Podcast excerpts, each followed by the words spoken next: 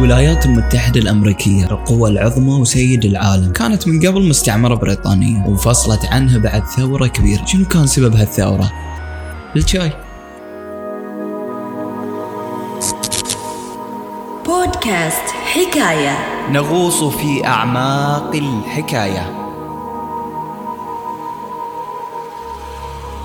تعود قصة اكتشاف الشاي إلى ما قبل أكثر من 5000 سنة قبل الميلاد. وكان ذلك في الصين حيث تقول الأسطورة الصينية عن الإمبراطور شينونغ إن شاء الله أني قلت اسمه صح اللي كان مولع بالطب والأعشاب وكان في إحدى رحلاته في إمبراطورية الصين. فريح الريال هو مع جيشه وكان العادة يغلي ماي ماي عادي يعني ويشربه وهو قاعد ساقطت بعض الأوراق ودخلت في الكوب. رجع وشافها قال يلا خلنا نشربها.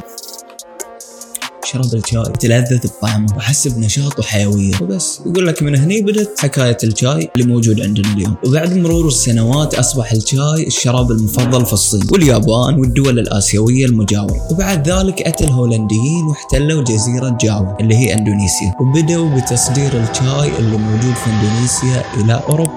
وبعد ذلك انتشر الشاي في بريطانيا وفي إنجلترا تحديدا وعن طريق شركة الهند الشرقية. وبدت الشركة تجني الأرباح الطائلة والكثيرة من وراء هالنبتة. ولكن بريطانيا العظمى كانت تستورد هالنبتة من الصين. ففكروا يعني إحنا صدق قاعد نربح. بس نبي أرباح أكثر. بدأت بريطانيا تتفاوض مع الصين. عشان يأخذون منهم النبته ويزرعونها طبعا الصين رفضت. فبالتالي بريطانيا استخدمت ذكائها. وبدت بإرسال مادة الأفيون للصين. والأفيون هو نوع من المخدرات. بدأ الشعب الصيني يدمن عليه بشكل كبير جدا. كان الأفيون وسيلة بريطانيا لنشر الضعف في الصين ونشر الخلخلة والمشاكل فيها. فخرج الإمبراطور الصيني. قانون منع استيراد الأفيون. لكن بريطانيا لم تكترث واستمرت بتصديره بكميات أكبر إلى الصين. ولكن هذه المرة عن طريق التهريب طبعا. وبعد ذلك بدأت حرب كبيرة جدا بين الصين وبريطانيا سميت بحرب الأفيون الأولى. واستمرت لسنتين. وثم عادت هالحرب مرة ثانية بعد مشاكل لمدة 14 سنة. عادت هذه الحرب لمدة أربع سنوات. خسرت الصين الكثير جدا من وراء هذه الحرب. وانتشر الإدمان بين الصينيين. ووصل عدد المدمنين في الصين إلى أكثر من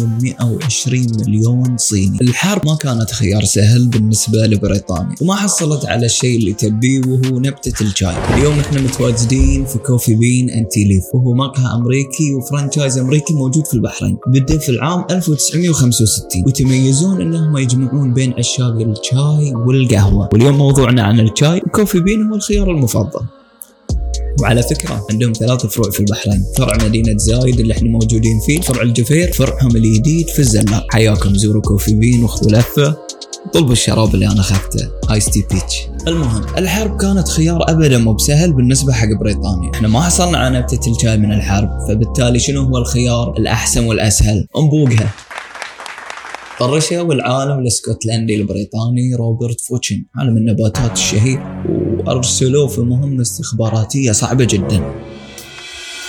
وكان ذلك عن طريق شركة الهند الشرقية حيث عطوه لستة من النباتات اللي تبيها بريطانيا من الصين. وروح يا روبرت فورتشن تصرف ويجيب لنا هالنباتات وبذورها بشكل سري وسريع. طبعا أبرز النباتات اللي كانت موجودة في هذه اللستة الشاي الأسود اللي هو الشاي الحمر اللي نعرف الشاي الأخضر وبعض النباتات الأخرى. واستمرت رحلته الخطيرة لسنوات وسنوات محفوفة بالمرض والمخاطر والخوف. وفي الأخير فشلت. تصور عادي يعني؟ دائما يقول لك يمكن عشر سنوات وفشل. ليش فشل؟ لأن الشتلات الصينية ما كانت تتحمل الظروف المناخية الصعبة جدا اللي كان ينقلها فيها. وطبعا ما استسلم الجاسوس البريطاني فورتشن. وأتقن دوره بشكل أكبر عن السابق. ويقول لك صار بين الصينيين كأنه واحد منهم. طبعا أنا شفت صورته. تقدرون تشوفون صورة ما أعرف شلون قنعهم يعني. بس okay يعني هاي الموجود يعني. وعقب ما وثقوا فيه الصينيين دخلوه إلى مزارع. ومصانع ما كان يحلم إنه يدخلها. فسرق الآلاف من بذور الشاي وبالفعل خذاها ووداها لشركة الهند الشرقية وزرعوا أول بذرة شاي صيني في الهند وانتهى احتكار الصين للشاي وبدأت صناعة الشاي في العالم كله. قامت بريطانيا بما يعرف بأول سرقة تجارية في التاريخ. ولولا هذه السرقة لما تمكن أحد من زراعة الشاي خارج الصين. الشاي اليوم هو ثاني أكثر مشروب استهلاكا في العالم بعد الماء وتبلغ أرباحه ما يقارب 200 مليار دولار. سنويا.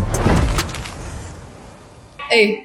أنا المخرجة. خلوني أقول لكم أكثر عن زراعة الشاي في إندونيسيا. ولأن موضوعنا عن الشاي رحت إندونيسيا وصورت فيها بعض اللقطات الحلوة. بدت زراعة الشاي أيام الاحتلال الهولندي مثل ما قال عبد الله سابقا. وتعتبر إندونيسيا أحد أكبر منتجي الشاي في العالم. ويبلغ إنتاجهم السنوي ما يقارب 160 ألف طن. وغالبية إنتاجهم هو الشاي الأسود والأخضر شاي الماتشا وشاي الأولونغ والأبيض وغيرها من الأنواع. الشاي بدأت حكايته بأسطورة انتشار بالدم والحرب. واليوم وصل لنا بهدوء وسلام. وهو أساس المزاج. ولا تنسون أن تتابعوا حلقة القهوة وتكتبون في التعليقات شنو تفضلون الشاي ولا القهوة. شكرا لكم وشكرا لمشاهدتكم والاستماعكم وهذه الحلقة من تقديم وإخراج وتصوير وإضاءة وكل شيء جون بوفشيت وعبد الله. الحلقة الجايه ما بتكون موجوده شكرا لكم وإلى اللقاء.